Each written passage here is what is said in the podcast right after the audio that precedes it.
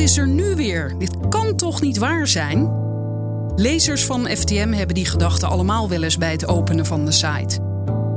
In deze podcast vertellen de auteurs over hun onderzoek en de achtergrond van hun verhaal. Frederik vraagt door. De podcast van Follow the Money. Henk Willem Smits en Jan-Hein Strop. Welkom in de podcast. Dankjewel. Voor het eerst in de geschiedenis van deze podcast, bedenk ik me nu, komt er, eh, komen er twee delen. Jagen op oligarchen 1 en jagen op oligarchen 2. Dus dat kan ik vast aankondigen. Jullie zijn hier voor deel 1. Ehm, Henk, jij eh, staat aangekondigd op de site van Follow the Money als historicus die eh, gespecialiseerd is in belastingontwijking. De hele interessante combinatie. Hoe ben je daar zo bij gekomen eigenlijk? Oh, dat is, ja, dat is eigenlijk dat is een beetje toeval geweest. Ik had samen met, met een goede vriend van mij had ik een boek geschreven over Sjoerd Kooistra. Sjoerd je misschien, de horecamagnaat die zelfmoord uh, heeft gepleegd. Ja. dat is alweer tien jaar geleden. En ja, we waren eigenlijk op zoek naar een nieuw onderwerp. Een derde goede vriend, die had toevallig net een boek gelezen van Nicholas Jackson over belastingparadijzen. En dat onderwerp hing toen ook wel een beetje in de lucht. Dus we dachten dat is wel, dat was rond 2012.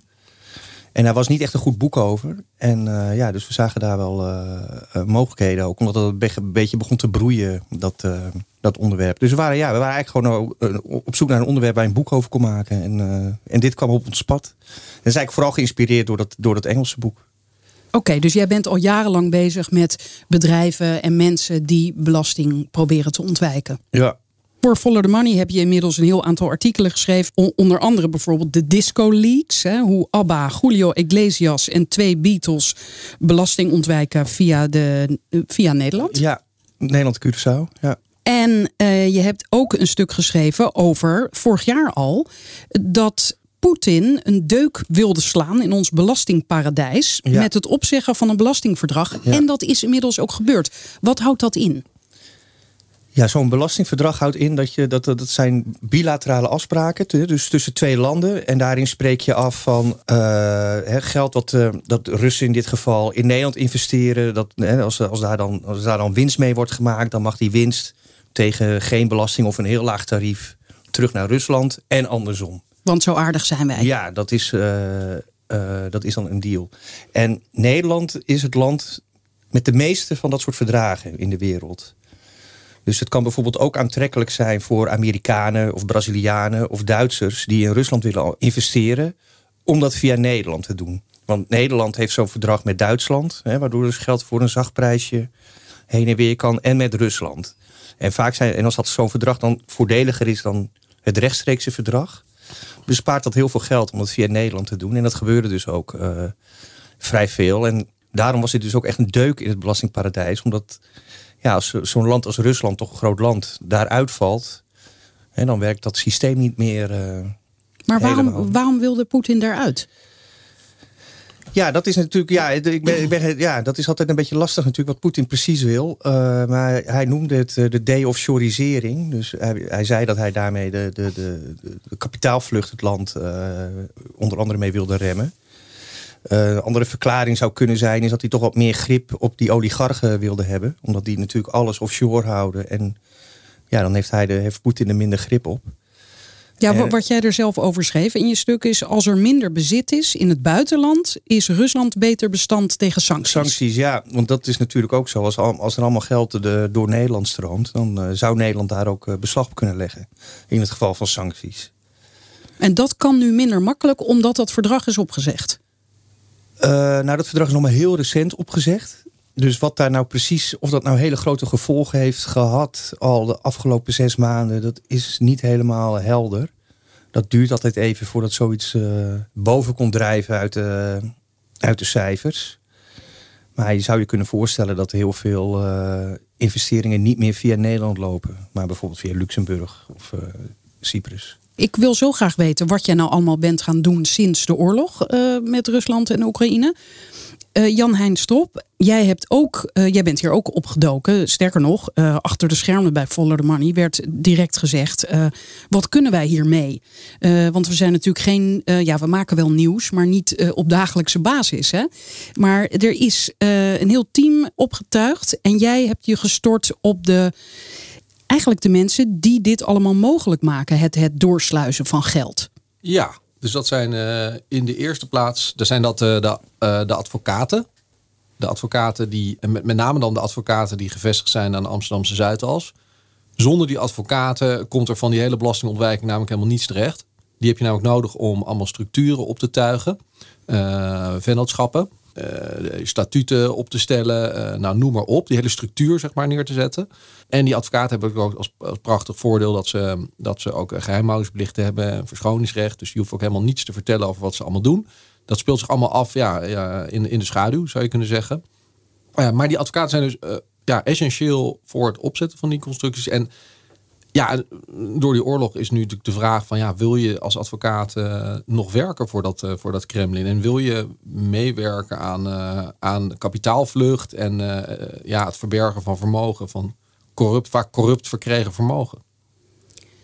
Terwijl die vraag eigenlijk natuurlijk ook al eerder aan de orde was. Want het is niet uh, sinds drie weken dat Rusland zich niet uh, helemaal gedraagt volgens onze nee. idealen. Nee, uh, gek genoeg was de annexatie van de Krim dus niet aanleiding voor wat dan ook. het vermoorden van dissidenten met zenuwgas op Britse bodem was geen aanleiding om iets te doen. Het vermoorden van journalisten op eigen bodem was geen aanleiding om wat te doen.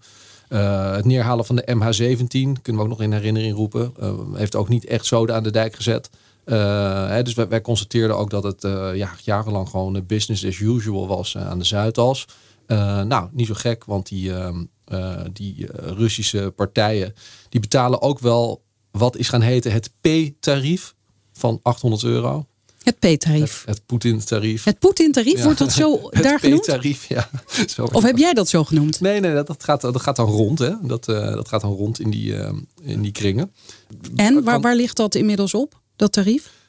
Nou, dat, dat, dat, daar zit je wel een beetje aan de max uh, in Nederland, geloof ik. Namelijk, dubbele punt. Nou, die 800 euro. Oh, sorry, noemde je dat al? Ja. Oh, dat maakte geen indruk op mij kennelijk. oh, dan let ik even niet op. Had, had ik, nee, misschien zei ik het nog niet, maar nee. Ja, 800 euro per... Oké. Oké, okay. maar bedragen tot 800 euro oh, per uur. maar dat zoveel is dat niet natuurlijk. Nee, nee goed, ik verdien dat ook. Uh, in de VS is het 2000 dollar per uur. Toch? Serieus? Ja, goed. En in, Londen, en in Londen bij die Magic Circle kantoren, die topkantoren in Londen, daar liggen de tarieven ook nog veel en veel oh, hoger okay. uh, dan in Amsterdam. Uh, maar dat, dat Houthof, hè, dat is bekend geworden als het Kremlin-kantoor van Nederland. Onderzoek daarna bleek dus hè, dat dit soort tarieven na betaald worden. Nou, en als je, dat is nou, nou een behoorlijke incentive natuurlijk om dat, om dat werk uh, te willen doen. Ja, dus die Zuidas heeft daar natuurlijk jarenlang gewoon heel goed bij gedijd. En zoals je terecht constateerde, al die, al die zaken die gebeurd zijn, ook sinds 2014, ja, hebben niet geleid tot, een, tot het afscheid nemen van dat soort cliënten. Pas die oorlog uh, heeft dat in gang gezet. En eigenlijk ook pas een week na de invasie, uh, nadat journalisten vragen gingen stellen. En jij bent nu in kaart aan het brengen, samen met andere collega's van Follow the Money, welke kantoren zaken deden en welke kantoren eigenlijk nog steeds zaken doen op dit moment. Ja, dus we hebben een hele lijstje uh, samengesteld van, uh, van kantoren die, uh, die acteerden voor oligarchen en bedrijven van oligarchen en voor Russische staatsondernemingen. En, en nou, dat onderzoek liep door, of loopt door. En nu, nu komen inderdaad ook nog partijen tegen die ondanks alles uh, ja, nog geen afstand nemen zeg maar, van, uh, van het Kremlin. Oké, okay, nou straks daar ook weer meer over. Nu weer even naar jou, Henk Willem. Um, jij zei van tevoren tegen mij, uh, want ik, ik, vroeg wanneer begon jij uh, aan deze reeks? En toen zei je, nou ja, ik was eigenlijk altijd al een beetje aan het kijken naar ja, wie de vrienden van Poetin zijn. Ik was er al een beetje naar aan het kijken. En, en wat houdt dat dan in concreet? Waar, waar kijk nou, jij dan? Ik was aan het kijken naar, uh, want wat je tenminste voor wat, voor wat ik graag um, doe, is uh, iets inventariseren en dan kijken hoe groot het is in Nederland. Dus dan heb je een soort lijst nodig, een lijst met namen. Met, met Russische oligarchen, dus dan keek ik naar de Forbes, de Forbes uh, biljonairs, zoals ze het in Engels noemen, de miljardairs. Maar dat waren er 190, dus ik zat daar een beetje tegen aan te hikken van wat moet ik hier nou precies mee? Waar, waarom zat je daar tegen aan te hikken? Nou, 190 is te veel. Om te onderzoeken? Ja, dat, uh, dat is, ja het kan wel, maar dan ben je maanden bezig. Maar goed, Forbes heeft kennelijk een lijst samengesteld. Daar staan ze al op. Die heeft een lijst van alle miljardairs in de wereld. En daar staan 190 Russen uh, op. En jij ja. wil ze... Want wat houdt het in als je zegt, ik wil ze allemaal onderzoeken? Nou, dan wil ik kijken of zij bezit hebben in Nederland. En uh, dat, dus dat gaat dan meestal via hun bedrijven. He, dus als je kijkt naar Deripaska of, of Abramovic, he, die bekende. Dus die hebben dan bedrijven zoals Rusal en uh, Evres. En dan kijk je van, hebben die eh, bedrijven in Nederland, uh, of brievenbus BV's, en, en hoeveel staat er dan op de balans aan bezit van die... Uh, en welke advocaten Daar kijkt Jan Heijn dan naar. Pasca, ja. Die, die hebben we ook gevonden natuurlijk. Ja, en je kan ook kijken bijvoorbeeld, dat heeft Jan Heijn ook gedaan, naar de statuten. Hè. Wie heeft de statuten opgesteld? Ja. Dus dan kun je ook ongeveer zien, je kan er van alles uit afleiden wie de helpers zijn en hoeveel, hoeveel miljard of hoeveel honderden miljoenen ze hier hebben gestald. En, en wat voor soort bedrijven zijn dit die je noemt? Uh, meestal is het kolen, staal, uh, nikkel, uh, dus olie natuurlijk, gas. Dus, ja, Rusland is een grondstofveranderend rijk land. Er wordt niet heel veel geproduceerd. Het is niet zo dat Lada's hier, hier naartoe worden geëxporteerd. Het zou wel een hit kunnen worden trouwens, ik nu opeens denken. Lada's. Elektrische dan natuurlijk. Elektrische lada's. Uh, ik, ik denk het niet. Uh, aangezien de, de, het Westen is gestopt met het uh, toeleveren van zeer, heel veel onderdelen ook. En ik begrijp dat die fabriek gewoon dicht moet, of dicht is al, of dicht gaat, heb ik gelezen. Die industrie gaat plat. Dus een ladaatje, dat zit er voorlopig even niet in. Nee. Oké, dus op die manier uh, ga jij al die namen af. Maar je dacht al meteen, kijk, 190 is niet te doen. Nee, dus ik was wel een beetje al bezig met de bekende. En eerlijk gezegd uh, had ik ook helemaal niet op gerekend... dat Poetin de Oekraïne binnen zou vallen. Dus ik had het ook een beetje in de sluimerstand. Hè. Ik was ook met een ander verhaal alweer bezig. En... Uh, maar ja, president Biden bleek dus gelijk te hebben. Ik dacht altijd, nou, die man die roept heel hard. Zodat Poetin zegt van, nee, nee, dat doe ik niet. Maar hij bleek dus gelijk te hebben en dat verbaast mij nogal. Dus toen moest ik ja, heel snel aan het werk. En uh, er werden vrij snel sancties afgekondigd tegen mensen. Dus dan heb je ook een namenlijst waar je mee kan werken. Dus we hebben gekeken naar tegen wie zijn de sancties uh, afgekondigd. Vanuit Amerika en de nou, Europese ja, Unie? De VS vooral, die had al best wel veel. Die had van, wel vanwege de inval in de Krim hadden al wel heel veel sancties afgekondigd. Uh, Europa, niet alleen Nederland, maar heel Europa was er eigenlijk heel terughoudend mee. Dat is natuurlijk ook niet zo raar als je bedenkt dat Duitsland en alle landen ten oosten van Duitsland zijn voor 80, 90 procent afhankelijk voor een energievoorziening van Rusland. Dus daar is de Krim dan blijkbaar niet belangrijk genoeg voor. Maar de Amerikanen hadden dus wel een sanctielijst en je zag vrij snel dat de EU die namen overnam. Dus toen hadden, we, toen hadden we een namenlijst om mee te werken en toen konden we snel een artikel maken met. Uh... En tot hoeveel heb je het beperkt? Nou, in de eerste instantie waren het maar zes, geloof ik. Dus we, zijn die lijst steeds aan het updaten. Uh, afgelopen 15 maart waren er uh, opnieuw sancties afgekondigd.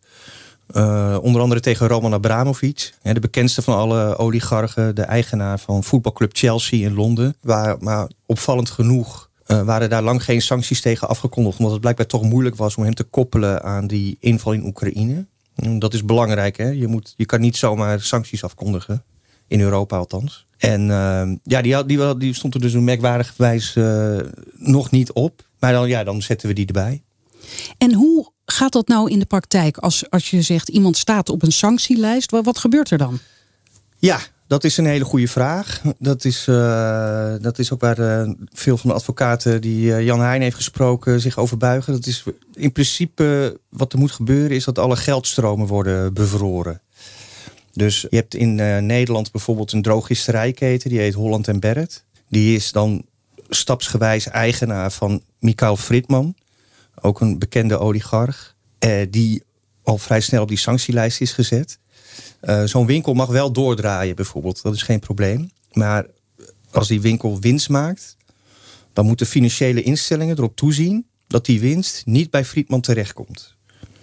Dus dat dat geld ergens in de keten en dus bij een bank ligt dan voor de hand. Gestopt, gestopt wordt. En, dat, en dat wordt bevroren. Dus het wordt niet geconfiskeerd bijvoorbeeld of afgepakt. Maar het wordt alleen maar bevroren. Het is bijvoorbeeld mogelijk dat, uh, dat die sancties op een bepaald moment weer stoppen. En dan gaat het geld alsnog naar Friedman. Ik vroeg me dat af van de week toen ik inderdaad, ik had dat stuk gelezen ook, wat ook in het dossier staat. Ik wilde daar wat gaan kopen en toen dacht ik, kan ik hier nu nog wat kopen? Nou, ik heb het toch even snel gedaan, want ik dacht, ik vond dat ik echt iets nodig had. Maar eh, kunnen mensen daar gewoon nog kopen of moeten we dat dan boycotten? Het is gewoon open. Nee, ja, het is open, dat weet ik. Ja. Sterker nog, ze mogen gewoon doorgaan. Ja. Maar, maar, nou ja, als dat geld toch niet bij Friedman terechtkomt, dan uh, lijkt het mij niet zo'n probleem. er, werkt gewoon, uh, nee, er werken ook gewoon mensen, personeel. Dus die wil je ook niet onnodig de, de WW uh, in. Oké. Ja, denk ik dan hoor. Maar ja. Nee, maar dit is het effect als je dus eh, follow the money volgt. Hè? Je leest de stukken. Dan, dan ga je dit soort dingen dus afvragen. Ja, je Ja. loopt wel even anders zo'n winkel in. natuurlijk. absoluut. Maar dit is een voorbeeld heel concreet van hoe, wat er nou gebeurt als iemand op de sanctielijst staat. Ja. Het wordt bevroren met het idee, eh, als, je, als het ooit weer goed komt, dan krijg je ook je geld. Eh, ja, in principe wel. Ik, ik las nu wel dat ze in, in Engeland, geloof ik, aan, aan het kijken zijn om het wel te confisceren. Maar daar moet je volgens mij echt de wetten voor aanpassen. Van, Ja, want van het Europese Hof mag dat niet. Nee, want het is natuurlijk wel lastig. Want dat gaat wel in tegen gewoon eh, hele basale eigendomsrechten. Ja, dat en dat, die zijn weer neergelegd in het Europees Verdrag voor de Rechten van de Zeer Mens. fundamentele rechten dat je niet zomaar iemand zijn spullen afpakt. Hè? Dat, is, dat is ook wel logisch, inderdaad. Er valt ook wel wat voor- te zeggen om dat heel erg scherp volgens de regels te doen. Want anders krijg je bijvoorbeeld eh, nou, in, in Nederland bijvoorbeeld hè, hadden we recent dat rapport over oorlogsmisdaden in Indonesië in de tweede helft jaren 40. Nou, als India dan bijvoorbeeld vindt dat wij daar herstel, herstelbetalingen moeten doen. Dan zouden zij ook zomaar allemaal Nederlandse bedrijven in India kunnen confisceren. Hè? Dat, dat, dat, Het zou een hele makkelijke manier Ja, worden om dus je- geld te verdienen. Ja, dus geld je te wil- krijgen. dus je Dus wil niet dat wil je dat- precedent scheppen? Ja, dat precedent wil je niet scheppen. Ja, dus, eh, dat Wat is ik nog wel weer charmant vind, is dat eh, veel van die oligarchenhuizen dan gebruikt kunnen worden als, ehm, als eh, opvang. opvang voor Oekraïnse vluchtelingen. Is dat nu aan de hand? Ja, er is ook in, eh, en in Londen is er ook eh, een paar van die villa's. eh die zijn alweer ontruimd, geloof ik. Oh, zo, oké. die waren dus gekraakt met, met, dat, al- met dat doel. Frankrijk ook, ja, ja. Dat was een leuk idee. Ja, of die, of die superjachten, hè, daar zitten ook een hoop kamertjes in. Ja, badkamers je, je leest altijd, altijd plek voor 36 gasten. Ja. Er vast wel wat meer mensen in zo'n kamer. Ja. Hey, en die sancties worden afgekondigd, je zei het al, door Amerika en ook door de Europese Unie. En ehm, dan gaat ieder land eh, zijn best doen, zeggen de landen, om dat ook voor elkaar te krijgen.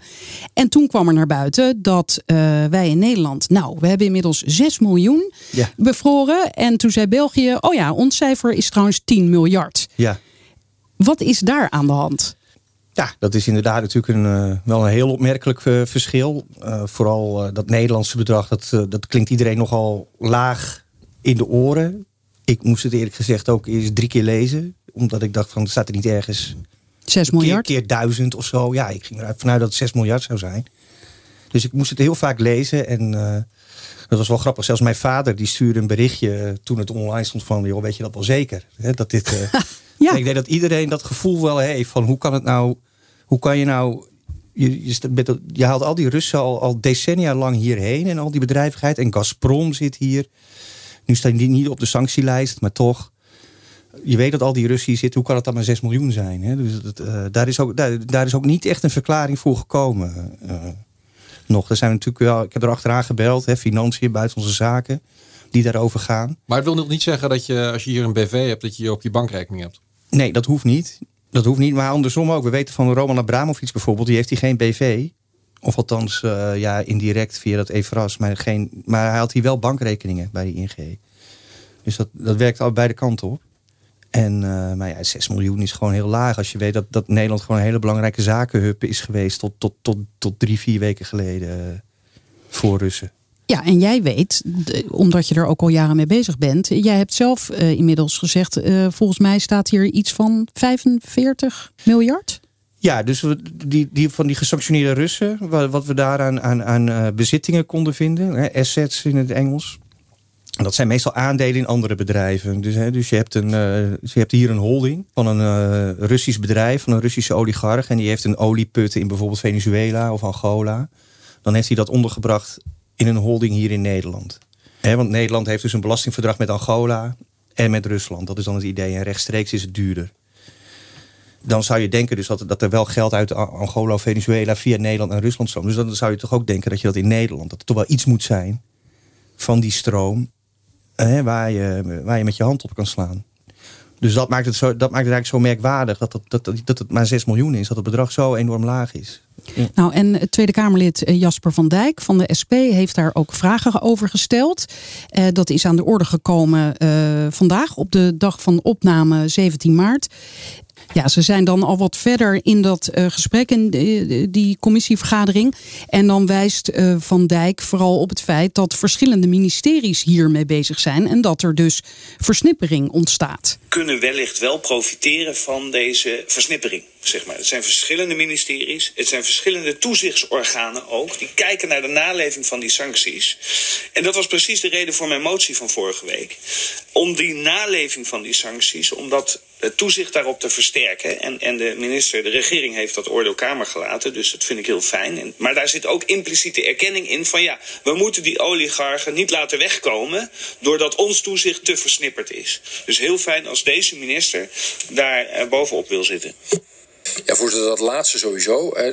Nogmaals, ik, wat, ik, wat ik wel zal blijven doen, is daar waar het specifiek raakt aan de, aan de portefeuilles van, van, van, van de collega's. Dan, dan zal ik ook daarnaar verwijzen, omdat ik daar gewoon ook niet de. Uh, uh, daar, daar, heeft de BZ gewoon niet de, de, de, middelen en de expertise voor. dat, en, ik, ik weet ook uit mijn vorige portefeuille wat daar wel en overigens ook wat daar niet kan als het gaat om het, om het strikt financiële. Zoals ik ook weet wat de minister van Justitie wel en niet kan doen op, op specifiek haar portefeuille. Ja, Henk, ik zat dus vol spanning naar die commissievergadering te kijken. Ik dacht, hij gaat nu antwoorden. Nu gaat hij zeggen hoe het zit met die 6 miljoen en dat grote verschil. Maar toen kwam er dus dit antwoord van. Eigenlijk zei hij: Ik ga er niet over. En ik weet ook vanuit mijn positie in het verleden, namelijk als minister van Financiën. Financiën. Ja, nou goed, wat is dit voor vaag verhaal?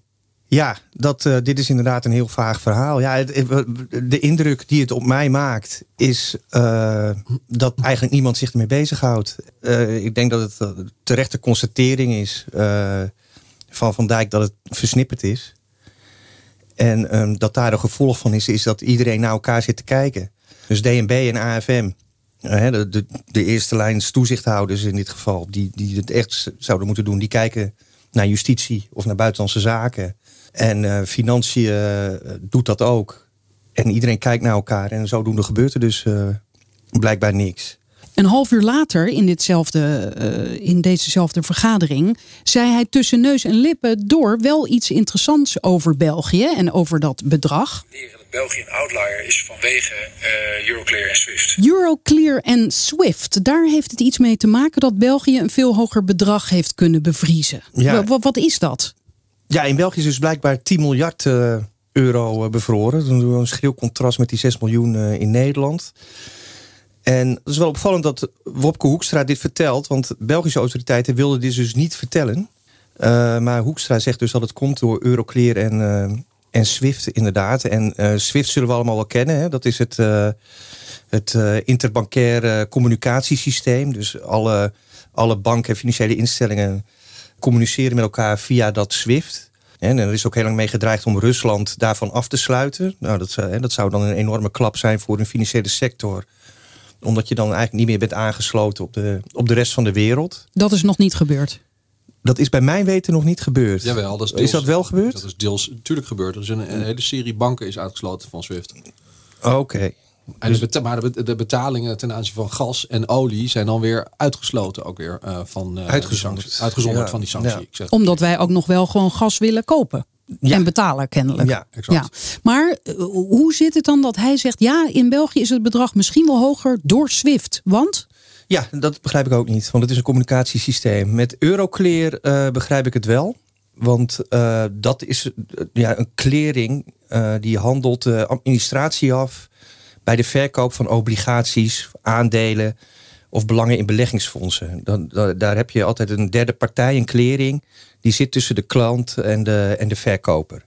Zodat de klant en de verkoper allebei weten dat zij hun aandeel krijgen of hun, uh, of hun geld. Daar wordt gewoon vastgelegd van ik verkoop mijn aandeel aan jou voor zoveel euro. Ja, en je hebt iemand die dat administreert.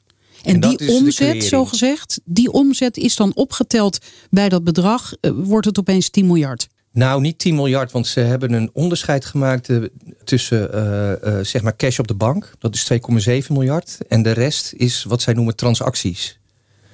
Maar het zou dus maar kunnen komen. Mij, je moet mij ook niet vragen wat het precies inhoudt, want dat wordt ook helemaal niet duidelijk. Ik heb het ook gevraagd aan een Belgische collega die dit heeft opgeschreven. Ik zei, wat wordt er nou bedoeld? Hij zei, ja, wist hij ook niet.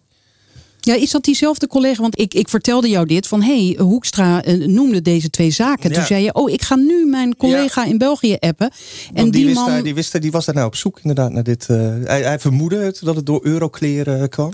Maar moet ik het zo zien dat hiermee wordt gesuggereerd van ja, dat bedrag in België is veel hoger. Maar dat komt omdat we die zogeheten omzet, dat heet natuurlijk niet zo, maar al die getallen zijn bij elkaar opgeteld in die 10 miljard gestopt. En daarom lijkt dat zo'n groot bedrag. Of is het een groot bedrag? 10 miljard. Ja. Nou, dat is wel een flink bedrag, ja. Dat, Nee, maar ik bedoel, zij suggereren dus dat dat geld wat wordt, eh, ja, hoe moet je dat zeggen? Nee, behandeld bij Euroclear, dat dat bij die bevriezingen is gestopt. En dat daarom die 10 Hoekstra. miljard. Ja, ja. maar is dit. eh, Ja, ik, ik, ik, ik ben benieuwd wat mijn Belgische collega hiermee gaat doen. die dit, eh, die dit eh, bevestigd krijgt in België. Maar ja, als Hoekstra het zegt, dan eh, zal wel, hij zal toch wel iets van informatie hebben. Daarover Maar het beeld dat in ieder geval oprijst is eh, dat Nederland nog niet genoeg heeft gedaan om Russisch geld te vinden. Nou, ik denk dat ze niks hebben gedaan. Oh, Als je echt maar niks? met 6 miljoen komt. Nee, ik denk dat ze allemaal naar elkaar hebben zitten wijzen. En dat eh, iedereen gewoon heeft zitten afwachten eh, wat de ander doet. En je moet weten wie zich hier allemaal mee bezighoudt. hè. Dus dat is het ministerie van Financiën, het ministerie van Buitenlandse Zaken. Hoekstra dus. Die eigenlijk wel een coördinerende rol eh, zou moeten hebben trouwens. Dan heb je nog justitie. Dan heb je de douane, de AFM en de DNB. De Nederlandse bank. Ja, die houden zich hier allemaal, moeten die, die sancties handhaven. Maar, En, de, en de individuele banken natuurlijk. Ja, maar daar moet DNB dus eh, toezicht op houden. Ja. En de AFM op de beleggingsinstellingen. Ja, nou, het contrast met Amerika is wel ook wel erg groot. Hè. We zagen natuurlijk dat... eh, Daar heb je de Treasury, daar heb je gewoon een, een, Ja. daar heb je gewoon een onderdeel van, van een- hun ministerie van Financiën die dat doet. In Engeland eh, heeft, heeft een organisatie die heet OFAC. Die doet alleen maar implementatie van sancties. Dus daar is het centraal geregeld en wordt het gecoördineerd. En ik denk dat die coördinatie hier volledig ontbreekt. En dat hoor je ook wel een beetje in, wat Hoekstra zegt. Hè, dat, dat met veel woorden weinig zeggen. Hij is degene die dat moet controleren. In principe of coördineren in ieder geval.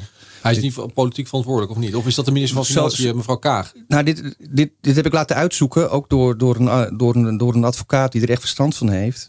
Als je kijkt in die Europese documenten, die zeggen dat de ministeries van Buitenlandse Zaken hier verantwoordelijk voor zijn. Voor de coördinatie van de uitvoering van die. Misschien sancties. weet Hoekstra dit nog niet. Nou, je zou het bijna denken, hè? Ja. ja.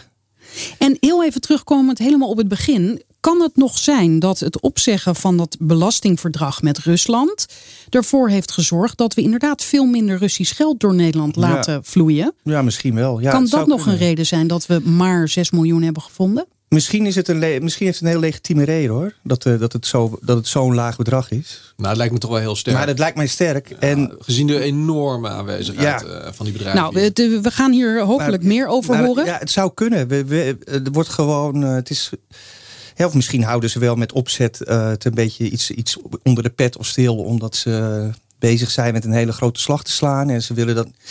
Maar ik denk dat Jan Heijn eh, wat dat betreft gelijk heeft. Dat ze gewoon. Dat het veel meer moet zijn en eh, dat ze niet goed opletten. Oké, dan gaan we nu naar de advocaten die jij hebt onderzocht en in kaart hebt gebracht wie er nog zaken doet met Rusland op dit moment. Hoe, hoe ziet dat beeld van de Zuidas er nu uit?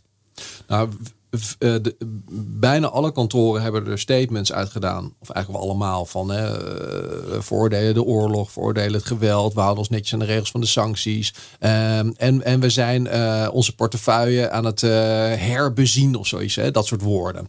Mooi. Eh, ja, dat is een beetje vaag, vaak. Hè, van wat bedoel je daar nou mee? En er zijn er ook enkele die hebben gewoon heel duidelijk gezegd... wij stoppen met alles wat met het Kremlin te maken heeft. Per direct. Nou, dat is heldere taal, hè? En er zijn er ook een paar die, die zijn daar nog veel vager in. Hè? Dus die zeggen, ja, we zijn ook aan het herbezien. We houden ons netjes aan de sancties. En we hebben van sommige klanten eh, in dat kader hebben we afscheid genomen. Maar wie dat dan zijn en of ze dan stoppen met al die eh Kremlin-gerelateerde klanten... Ja, dat, dat zeggen ze niet. Dus er is er alle ruimte nog om toch een commerciële keus te maken. Om met een aantal van die staatsbedrijven die niet gesanctioneerd zijn bijvoorbeeld. En daar zijn er namelijk al een aantal van nog. Om daar toch gewoon eh, je dienstverlening eh, aan eh, voor te zetten. En hoe ben je erachter gekomen? Heb je al die kantoren gewoon opgebeld? Ja, we hebben al die kantoren gebeld. Eh, Met, nadat- met welke vraag? Ga je stoppen? Hè? En, en, en we vroegen het aan iedereen in eerste instantie, waarvan we ook wel een concrete lead hadden gevonden, of concrete aanwijzing hadden gevonden, dat ze werk verrichten voor of een oligarch, of een partij die, eh, of een Russische staatsonderneming, of een dochter van een Russische staatsonderneming in Nederland. Eh, dus die hebben we allemaal benaderd. En nu na die eerste publicatie kwamen is nieuws op het spoor. Namelijk AKD, groot kantoor. Dat eh, heeft onlangs nog de juridische structuur van Uranium One gewijzigd. Van een NV naar een coöperatie in Nederland. Eind 2021, eind vorig jaar. En wat is Uranium One? Dat is een dochterbedrijf van Rosatom. En Rosatom is het uh, groot Russisch staatsbedrijf dat handelt in uranium voor kerncentrales. Dat haalt het ook uit de grond in Kazachstan. En kerncentrales over de hele wereld worden daarmee bevoorraad. En ze verrijken dat ook. Uh, er zijn ook elektriciteitsproductie en nog een aantal andere dingen. Het is echt een grote club die dus hier gevestigd is. Grotendeels. En um, interessant daarin is dat zij natuurlijk ook leverancier zijn voor het nucleair complex, militair complex in uh, Rusland. En dat zij zich ook bemoeien met die kerncentrales die in Oekraïne veroverd zijn uh, door de Russen. Die zijn nu beheren inderdaad. Ja, want Tsjernobyl heb je natuurlijk, dat, die is natuurlijk niet meer actief. Uh, en je hebt nog een andere uh, centrale, de grootste van Europa. Ik kan de plaatsnaam even niet uh, me herinneren, want het is wat ingewikkeld, het Oekraïnse stadje. Maar, maar hè, er, er, was een groot in het nieuws. Die zijn, die zijn overgenomen door de Russen. En dat was ook, ja, daar werd zelfs beschoten. Hè? Dat was ook nog in het nieuws geweest. Nou, en daar, daar werkt dat, is dat personeel is de facto gegijzeld door het Russische leger. Werken daar onder supervisie van de Russen. En daar zijn dus die, die, die specialisten van Rosatom zijn daar dus ingevlogen om daar te assisteren. En die mensen, even terzijde, maar dat las ik, dat die zijn eh, waanzinnig moe, want die moeten de klok rond maar doorwerken. Ja. Dus die gaan er straks gewoon bij neervallen. Ja, dat heeft ook nog wel risico's. Nou, bij Tsjernobyl was ook nog de stroomtoevoer uh, was, was uh, niet in orde vanwege beschietingen. Dat is gelukkig nu al in orde gekomen, hebben we kunnen lezen een paar dagen geleden. Het is allemaal heel spannend. Uh, je moet er niet aan denken dat daar, dat daar uh, ongelukken gebeuren. Dus in die zin is het goed dat natuurlijk uh, de Russen ook wel zorgen dat het veilig is. Maar ja, het is natuurlijk wel, hè, dat Rosatom heeft gewoon directe betrokkenheid bij de oorlog. En zij hadden hun juridische structuur veranderd. En, en wat, wat, houdt, wat betekent dat dan? Ja, dat heb ik aan mijn collega Henk Willem moeten vragen. Die weet er alles van. Dat is van een, van de NV naar een coöperatie gegaan. En een coöperatie, dat ken ik alleen maar als iets wat boeren doen. Of zuivel uh, in de zuivelsector. Ja, de, de, coöperatie is een rechtsvorm die is bedoeld voor uh, uh, samenwerkende boeren of samenwerkende verzekeraars. Dus ik denk aan Friesland Campina of, of Unive, Rabobank. Hè, de, de, agrarische bedrijven doorgaans. Um, en de bedoeling is dat, je, dat al die boeren die dan werken dan samen en dan kunnen ze een, een hele grote landbouwmachine kopen die ze in hun eentje niet zouden kunnen kopen op een bepaald moment zijn er een paar slimme fiscalisten geweest. Die hebben ontdekt dat zo'n coöperatie betaalt geen uh, belastingen. Omdat ze ervan uitgaan dat de achterliggende partijen die belasting betalen. He, dus niet de coöperatie betaalt belasting, maar de boeren. Want die krijgen uiteindelijk de baten daarvan. Dus het voordeel van zo'n coöperatie is... als je bijvoorbeeld uh, de coöperanten op de, op de Maagdeilanden neerzet... dan hoeft die coöperatie betaalt dus in Nederland geen belasting. Dat is gewoon zogenaamd, zo heet dat, fiscaal transparant. Hmm. dus de Belastingdienst kijkt er doorheen. En, uh, oh, kijkt er doorheen, ze zien het niet. Ze doen alsof ze het niet zien. Fiscaal blind. Ja, ja, ja, ja maar de, de, officiële term is transparant. Maar het is in de eigenlijk tegenovergestelde van transparant, inderdaad. En uh, dus, ja, zoals die comparanten bijvoorbeeld op Delaware of in, in Maagdeilanden zitten, dan betaal je daar, betalen daar de comparanten ook geen belasting. En dit is gebeurd met dit Russische bedrijf. Ja, dit gebeurt aan de lopende band hoor. Ja, allerlei multinational in Nederland zijn, zijn een coöperatie. Het is volstrekt niet uitzonderlijk. Hè? Het gebeurt hartstikke vaak. Nike is een coöperatie bijvoorbeeld. Ja, nou, maar goed, die, die, die, die Russen hebben daarvoor gekozen. Hebben vorig jaar eh, hebben daarvoor een fiscaal adviesstuk ingewonnen bij AKD. Die heeft een grote fiscale adviespraktijk. En die hebben vervolgens die structuur opgezet. Dus ze hebben die omzetting gedaan van NV naar, naar coöperatie. Nou, daar komt uh, van allerlei juridisch werken aan te pas. En je moet met de notaris vervolgens uh, die statutenwijziging ook nog eens een keer uh, natuurlijk doorvoeren. en dat is eigenlijk het spoor wat zichtbaar is. Hè. Dus je ziet in de Kamer van Koophandel zie je dan zo'n statutenwijzigingen gedeponeerd worden. en dan kun je traceren van hé, hey, dat is dus een klant van dat advocaatkantoor. Dus zo zie je dat. Nou, dus hebben we gevraagd van uh, hoe zit dat nou? En nemen jullie dan afstand van die Russische cliëntelen? Nou, daar zijn ze tot nu toe heel vaag over geweest. Ze hebben gezegd van ja, we gaan het, wat ik al zei, we gaan het herbezien. En we hebben afscheid genomen van enkele cliënten. Maar ze zeggen dus niet, we stoppen met het Kremlin. Nou, dat is wel heel opmerkelijk. Maar ze nemen nog wel de telefoon op als jullie bellen dus. Jazeker. Ja, nee, dit soort grote kantoren hebben woordvoerders, die moeten ook wel reageren. Oké, dit, dit is een groot voor... Of, ja, sorry, wat je Nou, zeggen? eh, er is natuurlijk nog, eh, hè, we, we hebben ook buiten de Zuidas hebben we dus betrokkenheid gevonden van advocaten ehm, bij grote Russische eh, staatsondernemingen. En, want die andere die, hè, die andere die we hebben gevonden is ook, die is ook heel saillant. Dat gaat om werk, juridisch werk in een, in een eh, procedure die in Nederland speelt rondom Promsvias Bank. Promsvias Bank is een Russische bank die gebruikt wordt voor de financiering van het militair apparaat. Voor wapenfabrikanten hoofdzakelijk in, in, Rusland. Eh, hè, dus bijna alle leningen die worden verstrekt aan wapenfabrikanten, aan het militair-industrieel complex in Rusland, worden verstrekt door deze staatsbank. En die staatsbank is speciaal gegroomd daarvoor, die is speciaal zeg maar, ingericht daarvoor. En die is ook sanction, of sanctieproof gemaakt, sanctiebestendig gemaakt. Die kan niet gesanctioneerd worden. nou, die kan wel, die is gesanctioneerd. Die staat op alle sanctielijstjes. En de, en de topman ook. Alleen, ze hebben al hun assets in roebels. Niks meer in, in, in, in andere valuta. En ze hebben alle andere bestuurders onzichtbaar gemaakt. Dus niemand weet, je, die kun je ook niet treffen, want je weet gewoon niet wie het zijn. Nou, dat is in, dat is in 2018 eh, is dat bankje daarvoor ehm, eh, geschikt gemaakt. En dat is op een bijzondere manier gegaan. Want het, dat was een, een, gewoon een commerciële bank in handen van twee Russische broers. Die al sinds 1995 die bank bestierden. En die, was ook, die is ook in Nederland gevestigd als vennootschap. Al sinds die tijd.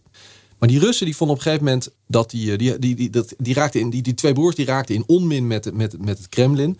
En op een gegeven moment heeft eh, de Russische staat bedacht van we gaan die bank afpakken van die twee broers. Dus ze hebben een hele onrealistische eis gesteld eind 2017. Ze moesten, ik geloof een miljard euro, zoiets dergelijks, binnen anderhalve dag op de plank leggen voor ter her- herkapitalisatie. Anders zou de bank genationaliseerd worden. Nou, dat konden ze natuurlijk niet op boosten binnen zo'n korte termijn. En toen heeft de centrale Russische centrale bank een nationalisatie in gang gezet. In 2018 was het zover in maart. En is die bank ja, ja, gewoon net als, net als dat Yukos oliebedrijf van Godorkovsky afgepakt. En zijn die broers verdacht van eh valse tegenschriften, fraude, et cetera. En opgejaagd. Die zijn net op tijd het land uitgegaan. En voeren sindsdien een oorlog met de Russische staat. Ehm, Vanuit Cyprus? Of meerdere fronten. In Oostenrijk speelzaken, spelen zaken, in, in Cyprus spelen zaken. En hier speelt een grote zaak, want die Russische, want vlak voordat de, de, de, de tent ge- genationaliseerd werd, hebben die broers een aanzienlijk bedrag, echt honderden miljoenen euro's, uit die bank weggesluist naar, naar andere vennootschappen, omdat ze natuurlijk kennelijk zagen staan komen. Nu wil de Russische staat natuurlijk dat geld terug hebben. Nou, het strijdtoneel voor, daarvoor is Nederland. Er zijn dus twee Russische vonnissen waarin eh, staat, hè, die broers moeten dat geld teruggeven. En die Russische rechters hebben dat natuurlijk keurig afgetekend, eh, die vonnissen. En nu willen ze dat die vonnissen erkend worden door de Nederlandse rechter. Nee, want die Nederlandse rechter moet daar, moet daar vervolgens aan meewerken. Eh, dus die procedure loopt. En die, in die procedure is dus een Nederlandse advocaat ook betrokken. Ja, die heb je, je hebt een Nederlandse advocaat dan ook nodig. En David van Bimmel van Beaufort Litigation, een klein kantoortje in Rotterdam. Ehm, ja, en die, die vertegenwoordigt dus een bank die sinds 2018 ontwikkeld is of speciaal bestemd is, eh, mede voor deze oorlog. Nou, dat is toch, dat is toch bijzonder. heel bijzonder. Eh, en het jammerlijke is, eh, want ik heb je stuk gelezen, dat die kerel niet wil praten. Nee, ik heb hem heel even kort in de lijn gehad. En ehm, Oh, ik zei van, ja, je werkt voor de Russische staat. Zei die, eh, hoezo, ik werk voor een bank. Ik zeg, ja, oké, je werkt voor een, eh, in ieder geval voor een entiteit van de Russische staat. Laten we niet flauw doen. Eh, het zijn woordspelletjes. Ehm, maar toen zei gooi maar, stuur maar een mailtje met je vraag. En eh, daar heb ik nooit meer wat gehoord.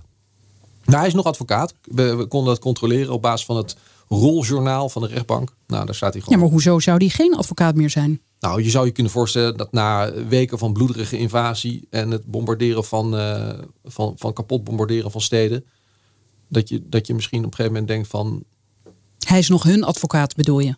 ja, Nee, oké, ik dacht even dat je bedoelde, hij is nog steeds advocaat in nee, het hij is de algemeen. advocaat van Ja, ja. In en, en genationaliseerde Bank in, um, in eh, Rusland. Maar ja, er zijn kennelijk mensen die daar geen eh, moeite mee hebben. Kennelijk, ja, ik vond het bijzonder. En eh, ja, je zou op een gegeven moment toch wel iets van reflectie daarop verwachten, maar dat eh, niet niks van gehoord nog. Nou, ehm, Als we alle voorbeelden gaan doornemen, dan duurt deze aflevering heel lang. Dat, dat Nou, gaan we niet doen, maar het nee, is waanzinnig niet- interessant. Nou, Eh, er zijn niet, er zijn niet, niet heel veel verder. eh, Wij hebben niet veel, heel veel andere lopende, of geen andere lopende van dit soort zaken aangetroffen. Echt voor, ook voor gesanctioneerde entiteiten. Dat, eh, dat, dat moet ik er wel bij zeggen. maar hè. Jan Heijn, viel. ik ging juist net een soort teaser maken naar dat de mensen dan naar de site gaan van Follow the Money om juist meer te lezen. En jij zegt nu nee, meer is er niet. Wat we gepubliceerd hebben, dat is wat we gevonden hebben. Dus misschien loopt er meer, maar dat. En jij gaat waarschijnlijk ook je artikel steeds updaten zoals jij dat doet, Henk. Willem. Nee, dus ook als wij meer aantreffen op dit punt, gaan we dat natuurlijk melden. Ja. Oké, nou dan ehm, is dit deel 1 van Jagen op oligarchen. Deel 2, kan ik vast zeggen, gaat over een Europees breed project waar 70 journalisten aan meewerken. En zij brengen eigenlijk ook eh, een hele lijst naar buiten hè, van eh, Russen met geld, simpel gezegd. Ja, ze hebben een beetje hetzelfde bedacht. Hè, van, om nou te kijken van wat, wat, wat hebben de Russen aan bezit buiten Rusland. Zij hebben daarvoor gebruikt de, een lijst die heette Navalny 35. Dat zijn 35 eh, Russen die op een of andere manier betrokken zijn bij eh, het onderdrukken van de oppositie. Want Navalny is de bekende Navalny oppositieleider ja, die in Siberië zit. ja, die zit in de, in de gulag. Hij is daarvoor al een keer eh, vergiftigd. Dat was nog wel een bekend verhaal. Hè. Toen is hij eh, met een helikopter naar Berlijn eh, getransporteerd. Is hij opge, opgeknapt. En toen is hij teruggegaan. En Toen werd hij opgepakt. werd hij meteen gearresteerd.